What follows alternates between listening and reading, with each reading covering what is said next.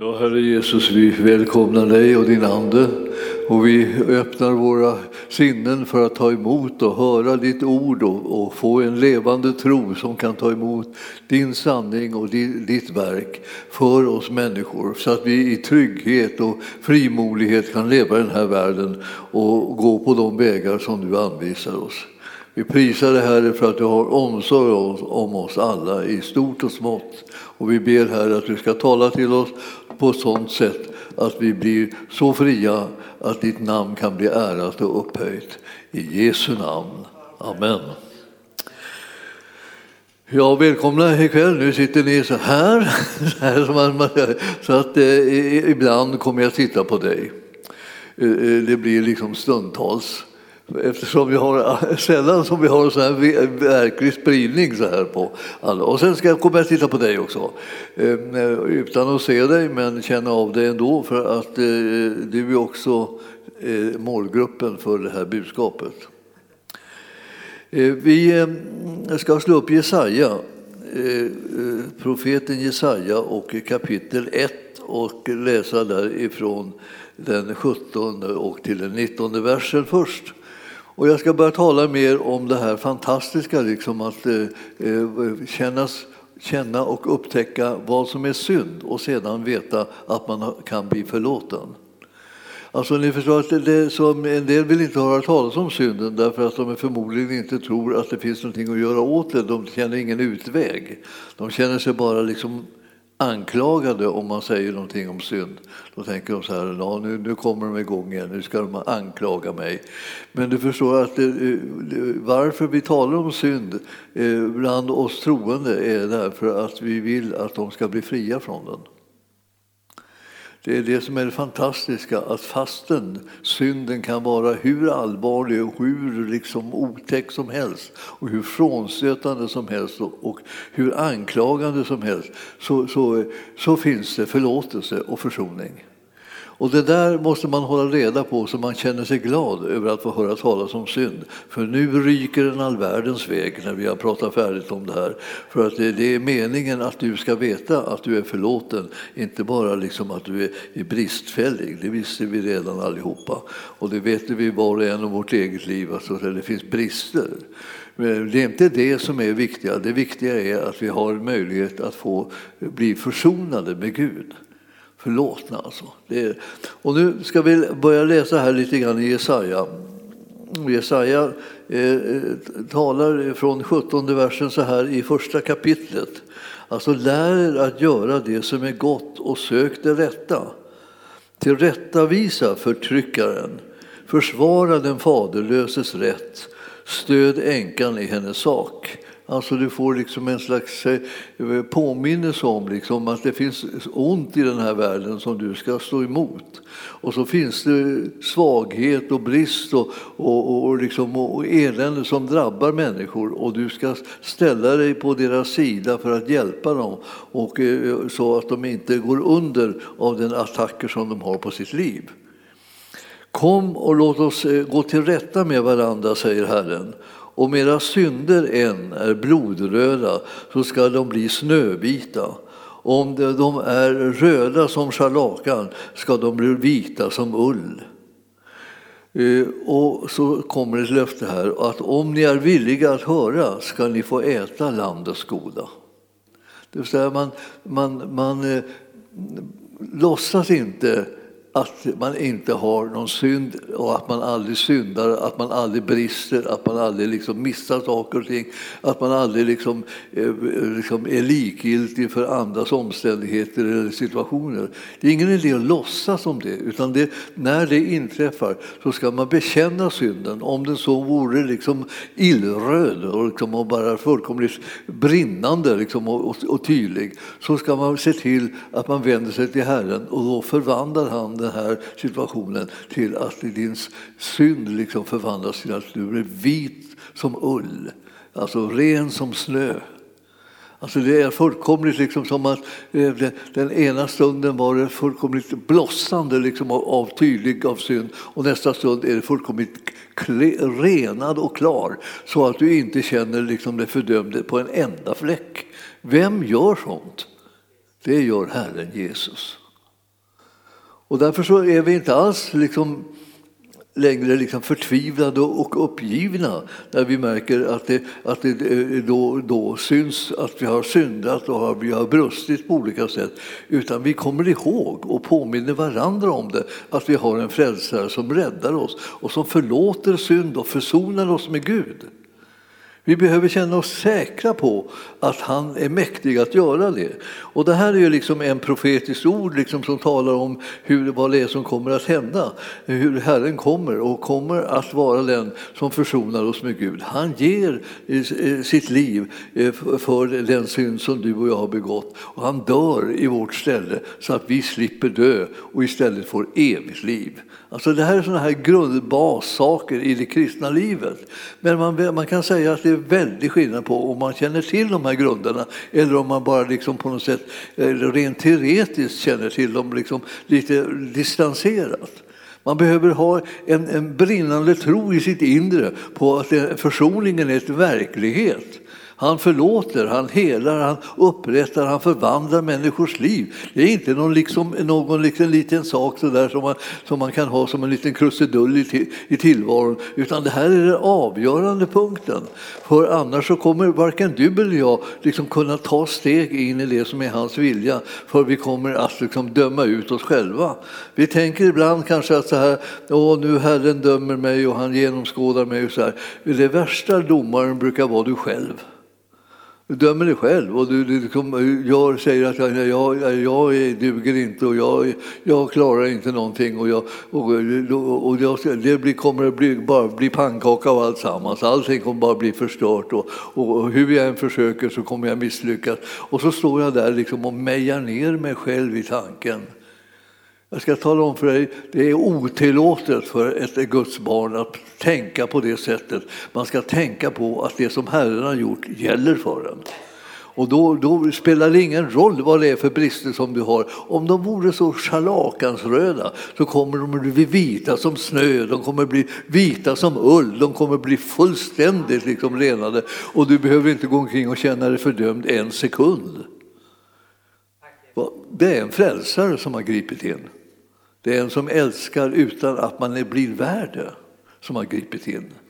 Du behöver inte tänka, är jag värd, är jag värd, jag eh, kanske inte är värd det. Eh, det. är klart att du inte är värd det liksom egentligen, utom i hans ögon.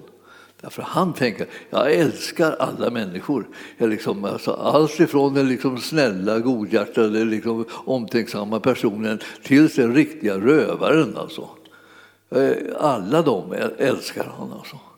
Han älskar inte allt de gör, men han älskar dem nog för att kunna ge sitt liv för att rädda dem från synden och syndens konsekvenser. Det finns flera bibelställen. Jag tänkte att vi skulle titta lite grann på dem bara för att jag tror att vi då och då tänker, behöver rusta oss med kunskap om vad, vad Herren säger i ordet. Om vi går till Psaltaren 51 så kommer vi kunna få lite information där också. Eh, Saltan är ju liksom en, en oerhört härlig, härlig bok. Alltså, eh, där hittar vi många profetiska ord eh, och mycket vägledning och mycket liksom, styrka liksom för bönelivet också. Och här i, i Psaltaren 51 då, så ska vi läsa i nionde eh, eh, versen så här. Alltså, eh, för att det är så att man, synd kan vara på många plan. Och jag, jag, jag tänker ibland att vi, vi upptäcker ibland synden liksom i det, våra gärningar eller våra tankar eller våra ord eller så här. Och, och så fördömer vi oss själva och så tänker vi att jag, bara kan, jag alltid ska hålla på att tänka så här, att jag alltid ska hålla på att säga så, på det där sättet. Alltså, jag, är hopplös, jag är hopplös och så håller vi på så här och gräver ner oss och mer och mer och mer liksom i det här att det är omöjligt.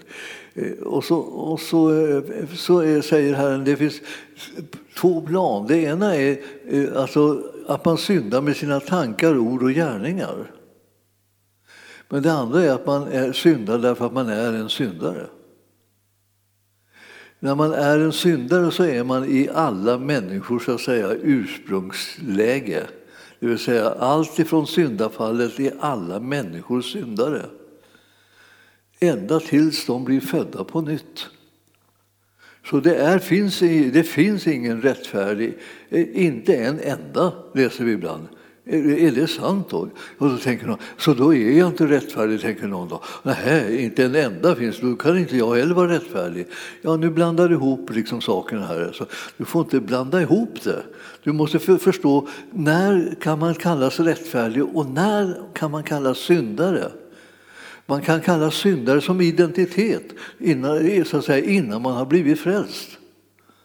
Så är alla syndare som identitet och det löser man. Den, att komma ur den typen av synd så är, så är inte en gärning, det är ett tillstånd. Och om du då tar emot Jesus och bekänner din synd så att säga, som syndare så blir du född på nytt. Och så är du ur det här tillståndet och istället har du blivit, blivit en som man kallar för rättfärdig. Alltså godkänd, accepterad utav Gud. Beror inte på dina gärningar, bor på hans gärning som har räddat dig, som var en syndare och nu har du blivit rättfärdiggjord. Och det är gjord av honom alltså. Och det, det, här, det här ändrar identiteten, men sen om du ska, om du ska få rätt, rätt på livsstilen det är många som lever som grisar, på att säga. Fast, fastän de är frälsta så, så, så, så, har de ingen ordning på livet, livet och ingen ordning på hur de lever, hur de tänker, hur de talar. Alltså, de, de, de, de håller på och syndar fortsättningsvis med tankar, ord och gärningar fastän de har blivit födda på nytt. Det är egentligen en väldigt konstig motsättning som är i deras liv. Men alltså, om de inte bryr sig om att lära känna Herren och den väg som han vill gå på, om de inte uppfattar vilken kärlek han har bevisat dem när han har gett sitt liv för dem, så kommer de ibland bara fortsätta i någon slags självisk, självupptagen livsstil och, och det hela är bara liksom tragedi kan vi säga.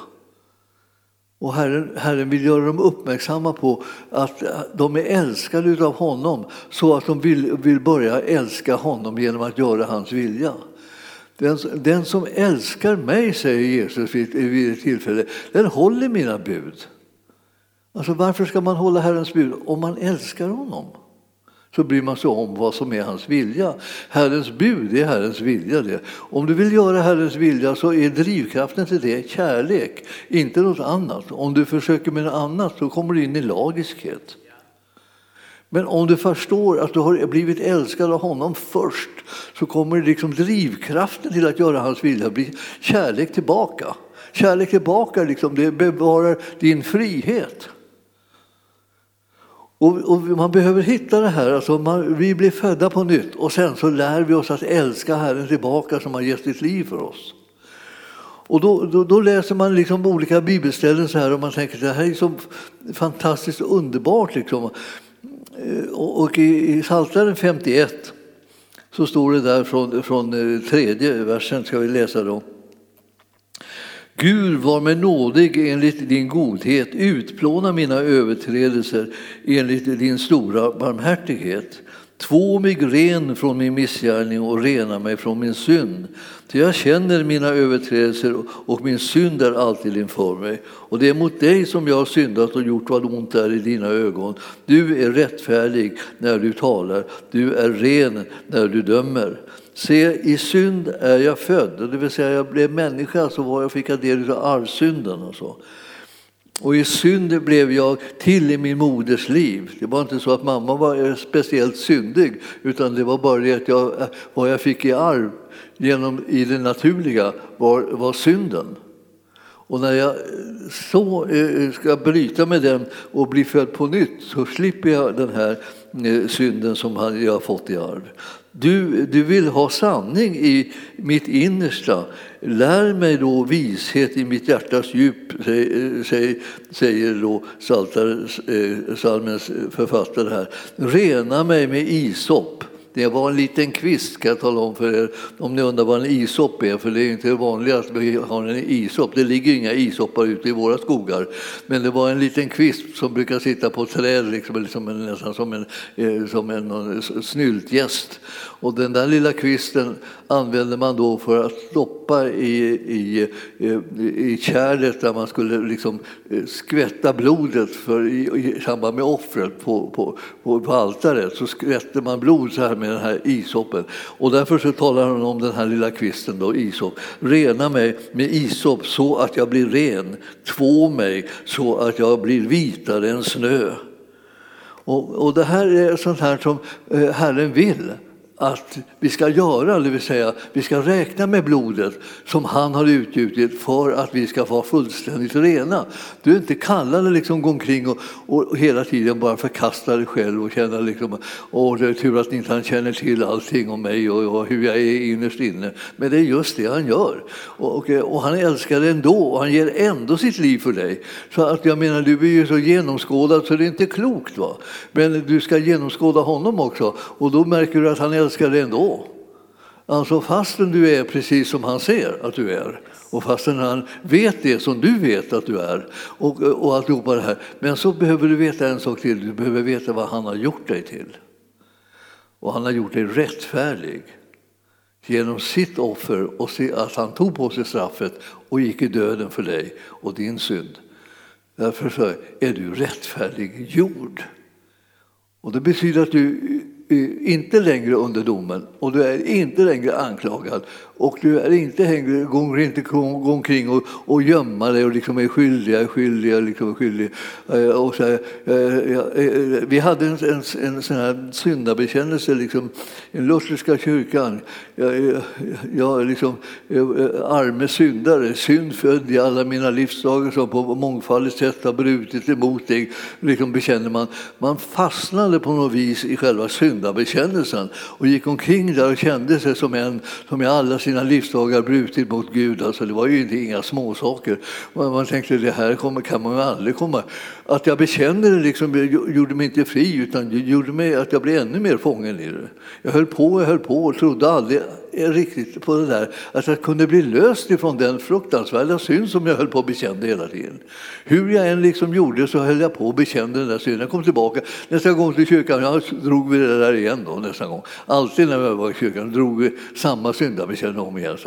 Var fanns tron på att vi var, blev förlåtna? Den hann vi inte med. Va? Vi hade fullt sjå liksom att bekänna synd, bekänna synd och bekänna synd och så. Och man ska bekänna synd när man begår det, men sen ska man ha tro på att man blir förlåten. För Jesus har ju verkligen betalat priset och han har dött och uppstått för oss. Jag menar, det är vi som är del i uppståndelselivet. När du blir född på nytt blir du alltså en ny skapelse och du får del av evigt liv. Och himlen blir öppen. Porten i himlen öppen. Alltså, du förstår att det här är liksom någonting som man tänker nästan är en synd att tänka. Ska himlens port vara öppen? Den är ju stängd för alla dessa syndare som man är. Man är bland de här syndarna. Nej, man är förlåten och man är rättfärdiggjord och det är för dem dörren är öppen. Det är inte så att man går dit bara knackar förgäves och härjar vid den där porten. Till slut kommer en sur Petrus ut och säger vad, vad, vad håller du på med? Du kommer inte in här. Jag har en lång lista på det, vad du har gjort och allt, hur du har levt och hur du har haft det. Ja, så, så det blir ingenting. Ja, men kan du inte gå in och kolla igen om, om det här stämmer? Så här? Det, det är ingen idé, säger han och så stänger han dörren och så står du där. Och tänker liksom, han kanske har rätt ändå. Jag är nog bara liksom en eländig syndare. Det är väl det. Jag har känt på mig det hela tiden och nu, nu, nu, nu blev det tydligt, jag kommer inte in. Det där är en fullständigt falsk bild av situationen. Alltså porten står öppen från det ögonblicket som du tog emot Jesus. Pang så åkte dörren upp.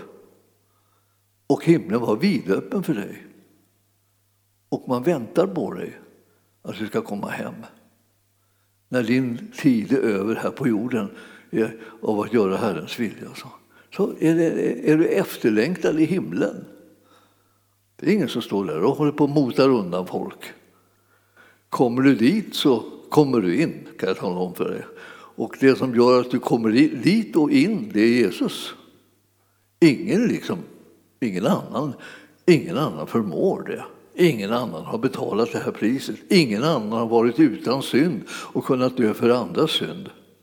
Alla har varit helt liksom, preparerade med synd själva så att de, så de kan bara dö för sig och sitt eget. Om det inte kommer någon som är syndfri.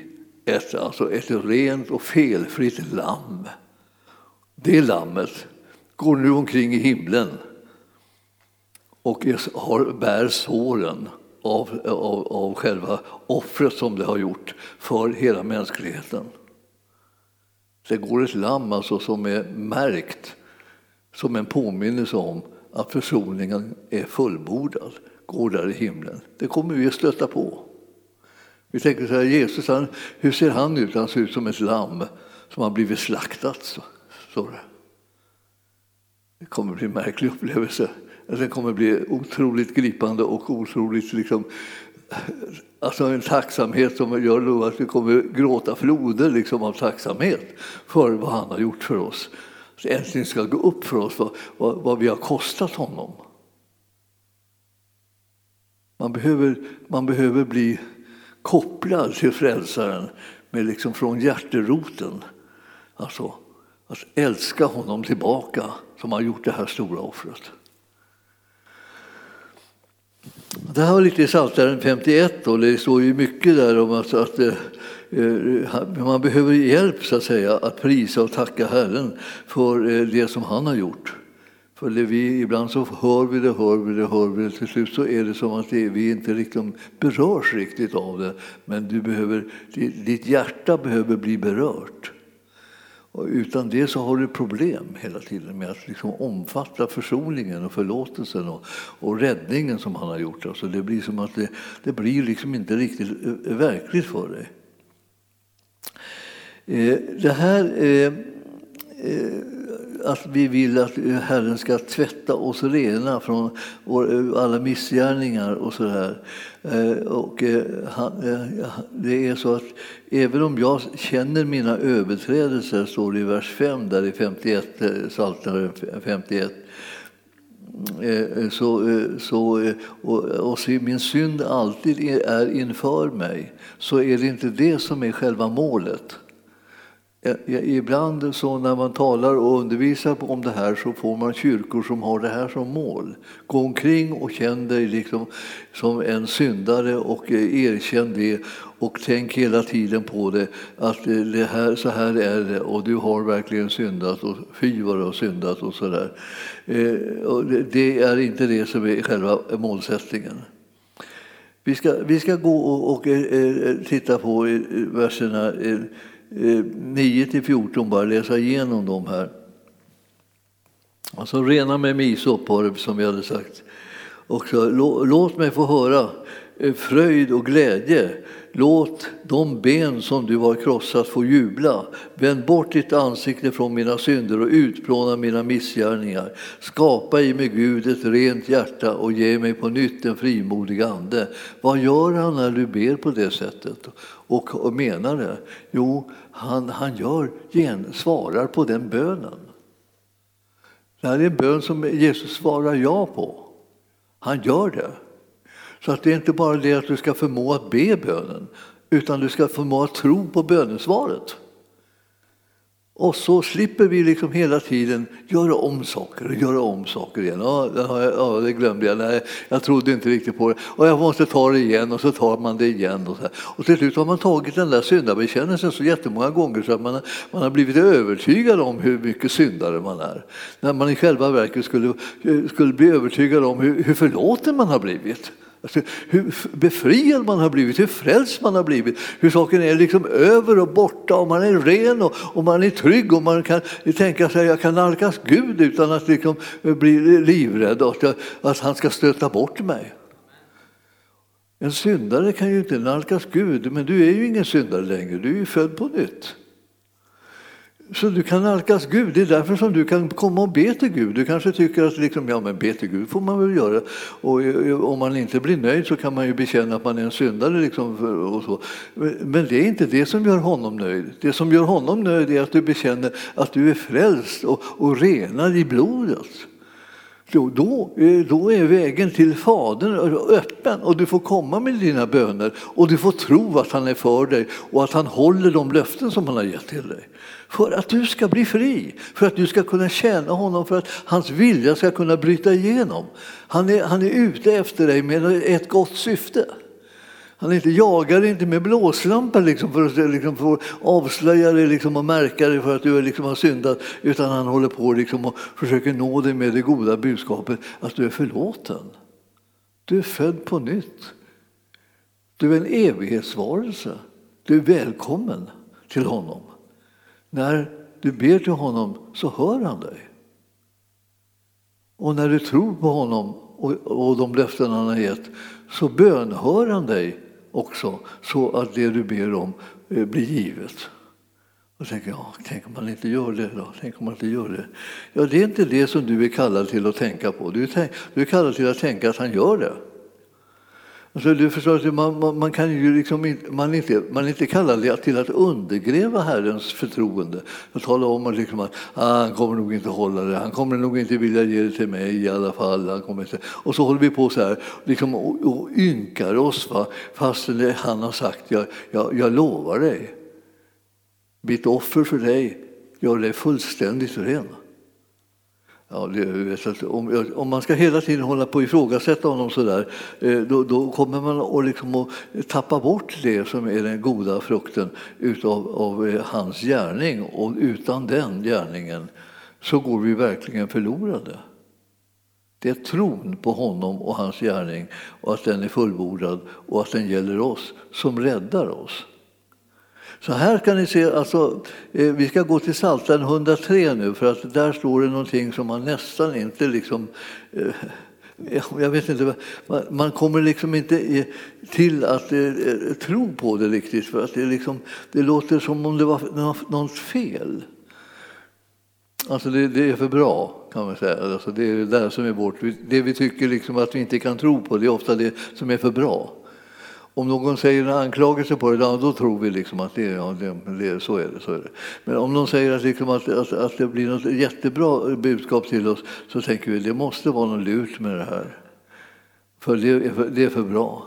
Vi är, vi är lite skadade kan man säga. Eh, be Herren om helande. Han är intresserad av att hela det också från, från det här området. Men nu ska vi ta och läsa här. Alltså, alltså det, det är Saltaren eh, alltså 103 versen 8 till 14 står det så här. Barmhärtig och nådig är Herren, sen till vrede och stor i nåd. Alltså, nu ska du, du, ska veta vem du har att göra med. Vet, han, är, han är väldigt mån om att du ska liksom ha, ha klart för de här sakerna. Han, alltså, väldigt, han, är, han är stor i nåd. Alltså. Det, det betyder alltså att det, det där oförtjänta Eh, förlåtelsen, den, den flödar alltså. Det finns ingen gräns för hur mycket, hur mycket sånt han har utverkat för din och min räkning. Sen står det, han går inte ständigt till rätta och eh, vredgas inte för evigt.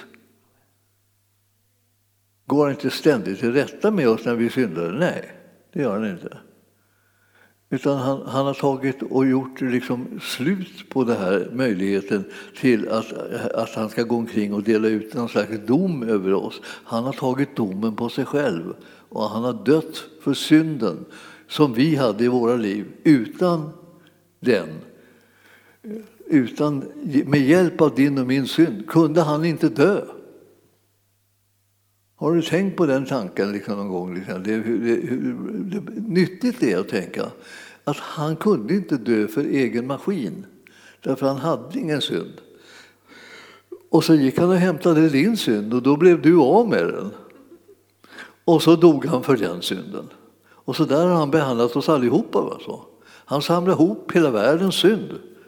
Och så tog han den och så var han det felfria offerlammet, något fullkomligt perfekt offerlamm som kunde gå in och försona allas synd, hela världens synd.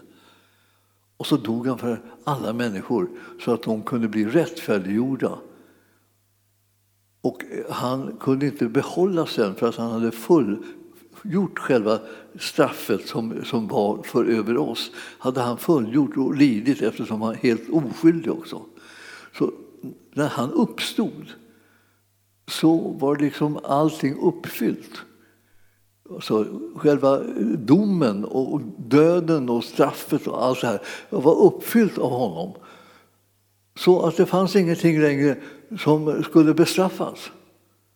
Och så sitter vi där och ställer oss frågan eh, eh, kan han förlåta mig? Ja, han har redan gjort det. Det är frågan om kan du tro honom om det? Har du hört så mycket gott om Jesus att du tror honom om det så att du, att du helt enkelt liksom blir fri från alla anklagelser och all dom? Du behöver bli fri. Och det, jag menar, det, är ingen, det är ingen säkerhet. Man skulle säga det är liksom nästan som lite, lite ovanligt va? att eh, kristna riktigt är glada över att de är fria från, från all synd och anklagelse. De lever som om de fortfarande hade någon slags eh, dom som hängde över dem. Och det finns ju någonting som heter vredesdomen. Den eh, hänger inte över dig längre. Den, är, den har flyttat på sig liksom, och den hamnade över Jesus. Och för den domen så dog han. Och när, när den domen var utmätt över hans liv så fanns inte domen kvar längre. Så det var liksom väck. Och där står du. Och ingen dömer dig.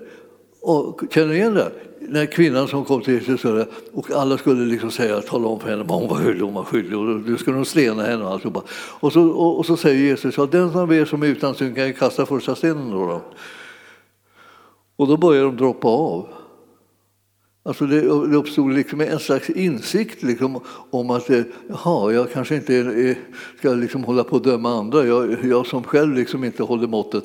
Eh, så, så de började gå sin väg och släppa sina stenar. Och så när Jesus reser sig upp liksom efter att han har suttit på huk där och skrivit lite i sanden så, här, så, så, så ja, vad, vad, vad, gick de liksom så här? Har, de, har de gått? Ja, alla gått. Har, har de, ingen dömt dig? Ingen. Och då, säger han, inte heller jag dömer dig. Och han var den enda som hade rätt att liksom på något sätt frikänna henne. Gå och synda inte härefter, var hans ord till henne. Och då var det så att han löste henne från, från synden som hon hade levt i och, och, och nu, var, nu var hon fri att kunna leva ett liv i, i, utan synd, utan att vara under vredesdom. Det här med att det inte finns någon vredesdom längre, det är, det är ju inte ett sätt, jättevanligt att man, att man talar om det i kristna kretsar. Men ni förstår, det, är, det är Bibelns sanning som liksom håller på och eh, gör sig påmind här. Och vi ska ta och läsa bibelstället. Alltså här, här kan du gå till Thessalonikerbreven nu. Och så så läser vi som häpnadsväckande. Vissa saker som man läser i Bibeln liksom, eh, Eh, läser man bara förbi för man tänker så där kan det inte vara. Om det vore så, då skulle vi liksom på något sätt komma undan på något vis. Det, väl, det har ju inte Gud tänkt, utan vänta bara till den, den yttersta dagen så han det gå till rätta med oss alla inför domstolen och så. Det ska han inte alls göra. De som, de som tillhör Herren har redan blivit uppryckta till himlen och eh, har, håller på och gifter sig med Jesus. Och det, liksom, det, det, det, det som, och vem tror ni han gifter sig med? Någon liksom, liten eh, syndig eh, person som, eh, som är under domen? Eller? Nej, är det inte. Han, han, han har frälst sin, sin församling och, och, eh, och, och, hans församling är bruden som han gifter sig med. Och den, den, den församlingen står inte längre under vredesdomen. Första Thessalonikerbrevet, första kapitlet och tionde versen. Ja, vi kan läsa, vi kan läsa 9-10 för, för att få liksom, det hänger ihop. Liksom så här. Själv eh, berättar de om hur vi blev mottagna av er och hur ni omvände er till Gud bort från avgudarna för att tjäna den levande och sanne guden och väntar på hans son från himlen, honom som Gud har uppväckt från de döda, Jesus, som har frälst oss från den kommande vredesdomen. Han gjort alltså. Han har frälst oss från den kommande vredesdomen. Så den, hur mycket den än kommer så är vi frälsta från den. Ser ni? Men nu kommer ju inte den eftersom han har dött liksom, för eh, att den domen ska bli hävd. Och, och jag vill bara säga till dig, läs det där med egna ögon i Bibeln och sitt inte och inbilla dig att du ska liksom bli, bli, bli dömd. Du är inte dömd, du är frälst. Och för att liksom ytterligare eh, titta här då, så, så, behöver vi läsa i, liksom, i det andra kapitlet här mot slutet så står det, det står det liksom om, eh, om de som på olika sätt vänder sig bort ifrån Gud. Och så står det så här, jag ska ta och läsa tror jag från eh, 14 versen där. Ni bröder har ju blivit efterföljare till Guds församlingar i Judeen, de som eh, är i Kristus Jesus. Ni har fått utstå samma lidande av era landsmän som eh, de av judarna och de som dödade både Herren Jesus och profeterna och som nu har drivit bort oss de behagar inte Gud och är fiender till alla människor eftersom de hindrar oss att predika för hedningarna så att dessa blir frälsta. Så fyller de ständigt sina synders mått, men vredesdomen ska komma över dem till slut. Det var inte en berättelse om de troende. Det var en berättelse om de icke troende som liksom gjorde allt för att hindra att evangelium skulle komma ut. Det är skillnad på de två grupperna. Och du tillhör den gruppen som tror på Jesus och alltså har kommit undan vredesdomen. Annars är vi liksom tillbaka i någon slags galenskap där man både är frälst och sen dömd i alla fall. Vad gjorde han för dig? Han dog i ditt ställe för att du skulle slippa dö. Han bytte sitt rättfärdiga, eviga liv så att säga, mot, mot ditt som är, var liksom en, en, under domen och straffet och döden och alltihopa. Och allt det där drabbade honom istället. Och när han hade betalat priset kunde han uppstå för att du tillsammans med honom skulle få dela evigheten. Och det var han som betalade priset och det var du som kom undan. Du förstår att det här, det här är sånt där som gör, kan göra en kristen till, till en glad typ. Istället för liksom en, en dyster, försiktig, nervös eh, som bara smyger omkring och försöker hålla andan för att inte komma och säga något fel eller tänka något fel eller göra något fel. Och man aktar sig, aktar sig, aktar sig. Man är nästan som, som den här uh, Ronja Rövardotter som går omkring och aktar sig för att inte falla i älven som går så nära kanten som möjligt här och går omkring och aktar sig. Och det, det, är inte ett kristet liv att gå omkring och akta sig. Ett kristet liv är att man inte behöver liksom akta sig längre utan att man kan vara trygg. Pröva på och tro på det. Det är det som är vår arvedel. Det är, det är härliga tider alltså. alltså man kan tänka att det här, det här kan göra vem som helst glad. Och en del kristna blir ju väldigt misstänksamma om det visar sig att budskapet är bra. Är det ett gott budskap? Akta er, inga sådana här liksom, konstiga läror nu. Liksom, och det, här, det här kan man väl inte bara, bara tro på rakt över så här på, viset. på det viset går det ju inte. Och, så. och eh, då, då ska jag ta, titta på om jag inte hade, hade ett, ett ställe till här, om det var eh, kapitel 5 i första Thessalonikerbrevet och, och, och nionde versen. Gud har inte bestämt oss till att drabbas av vredesdomen. Jag hoppas du kan läsa innantill alltså. Ja. Och så har du inte med dig din bibel får du skylla dig själv. Liksom. Då, kan du, då får du leva liksom med en okunnighet och brist på insikter. Men annars är det så att i femte kapitlet i första Thessalonikerbrevet, i nionde versen, så står det så här att Gud har inte bestämt oss troende alltså, till att drabbas av vredesdomen utan till att vittna, eh, eh, vinna frälsning genom vår Herre Jesus Kristus. Det är så det. Han har dött för oss eh, för att vi ska leva tillsammans med honom vare sig vi är vakna eller insomnade. Det spelar ingen roll om det här livet är över eller om det fortsätter. Liksom, det, vilket det än är så är, kommer vi alltid att vara tillsammans med honom. Så. Vad ska du vara rädd för? Ingenting är meningen. Alltså, du ska komma på det ingenting, alltså, absolut ingenting. Och, eh, och, och så, det, Herren är din räddning.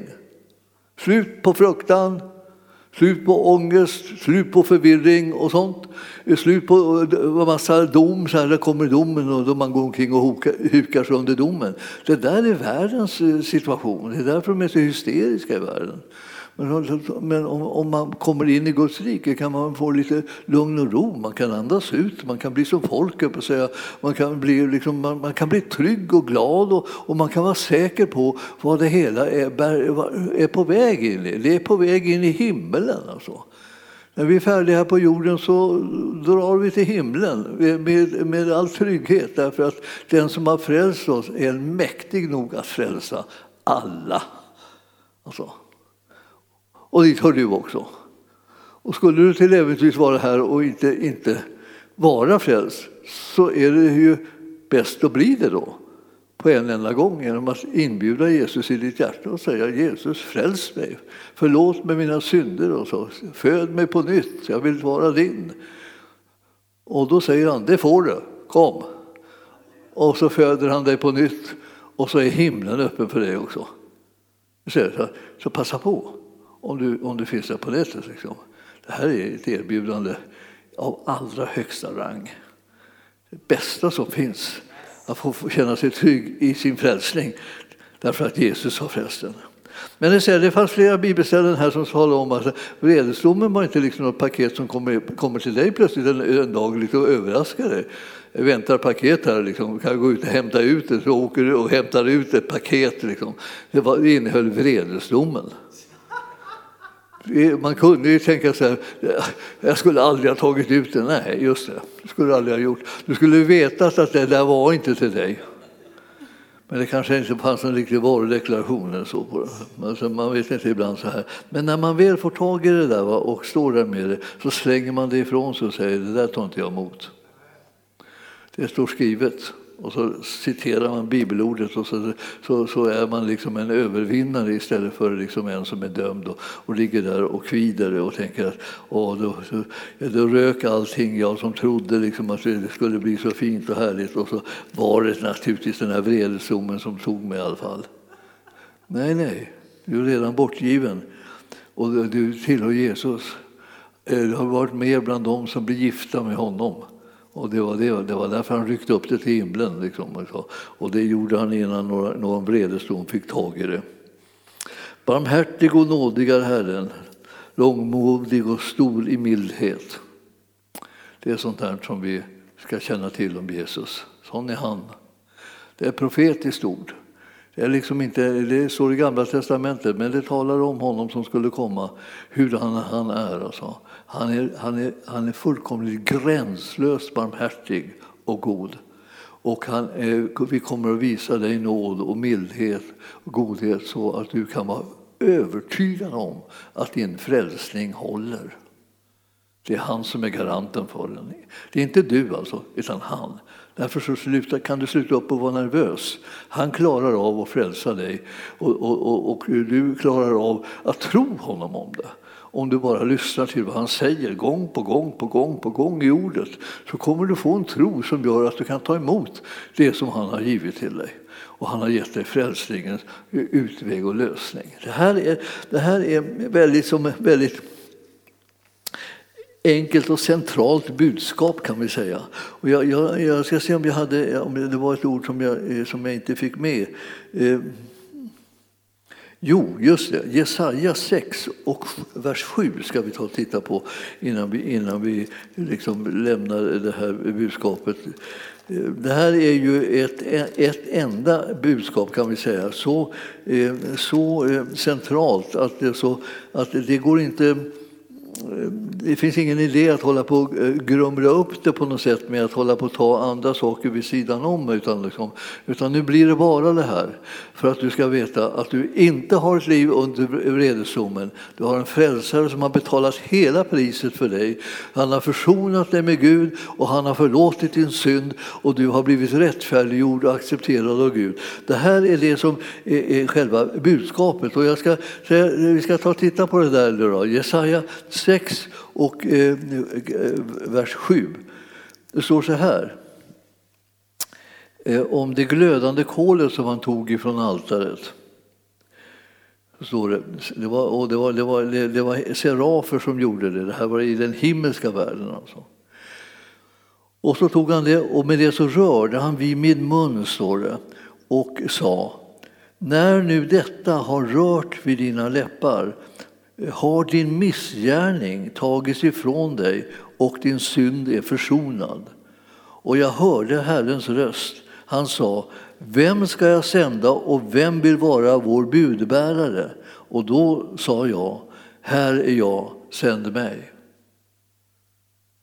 Alltså han, han väntar sig liksom ett slags respons ifrån dig och mig när du hör det här. Vad han har gjort när han har tagit bort all din synd och du har gjort dig försonad med Gud. Och så säger vem ska jag sända? Och då är det du och jag som står där och säger, här är jag, sänd mig. Och eh, eh, har du varit med lite grann i, i det kristna livet så har du kanske sagt det där många gånger redan. Liksom.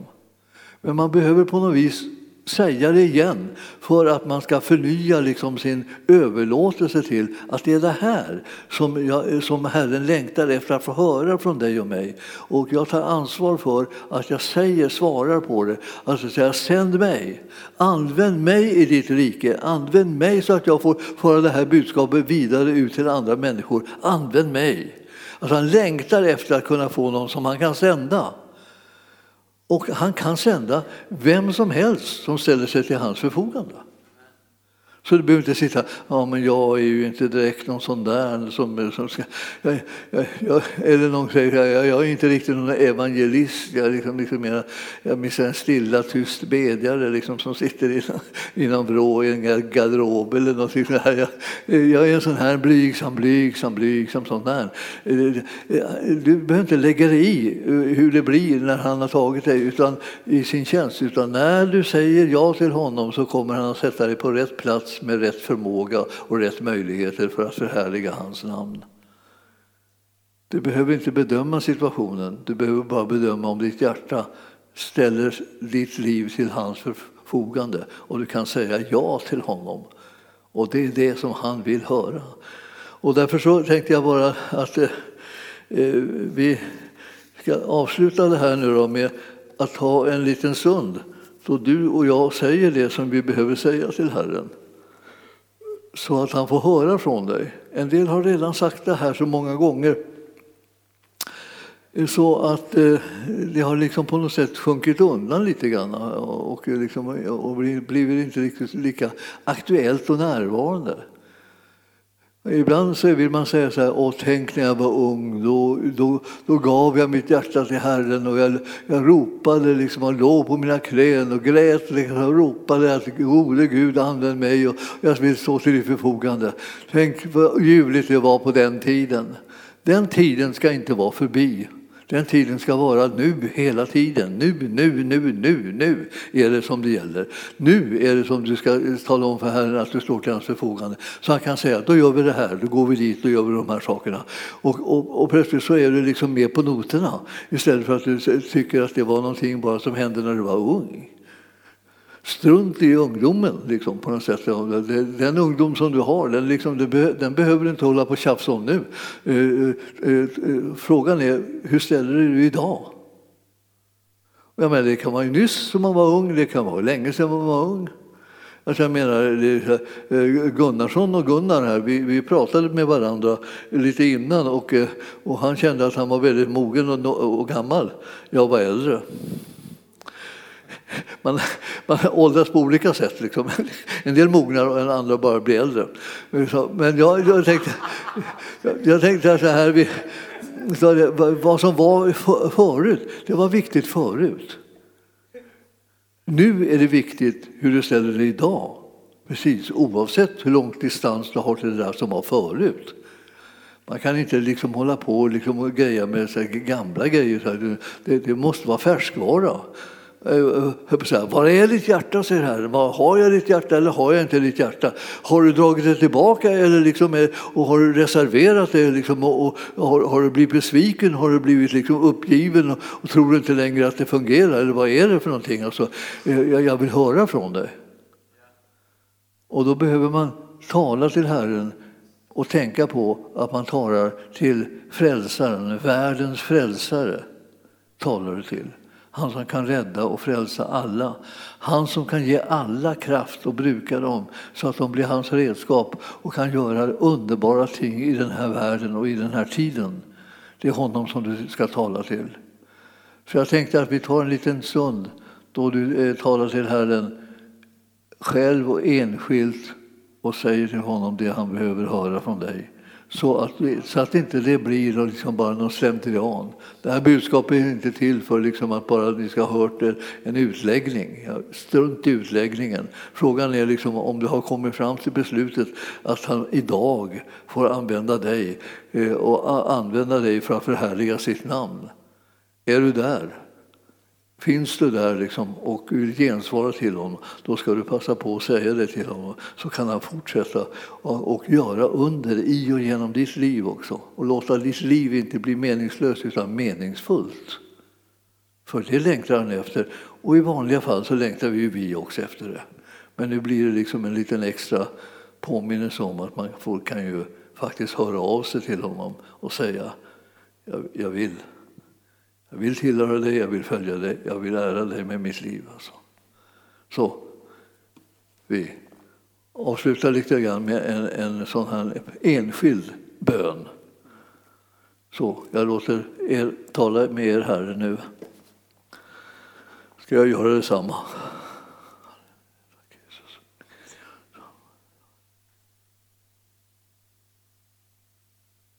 Halleluja, Åh Jesus. Jesus, vi bara tackar dig för din nåd. För din nåd. Vi tackar dig för att vi är inte dömda.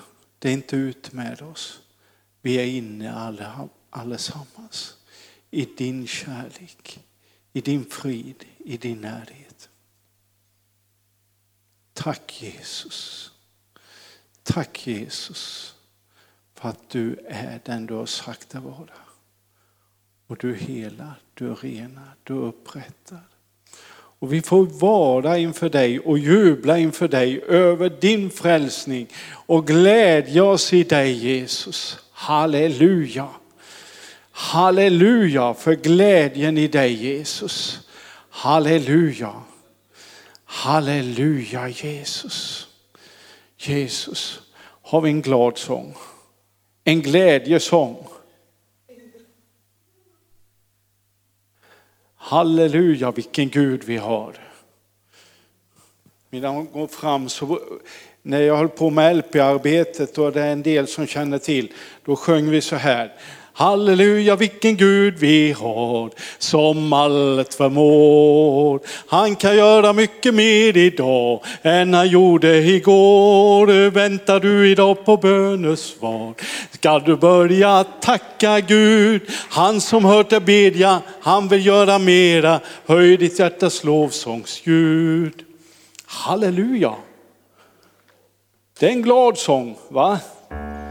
Och sann sång. Halleluja.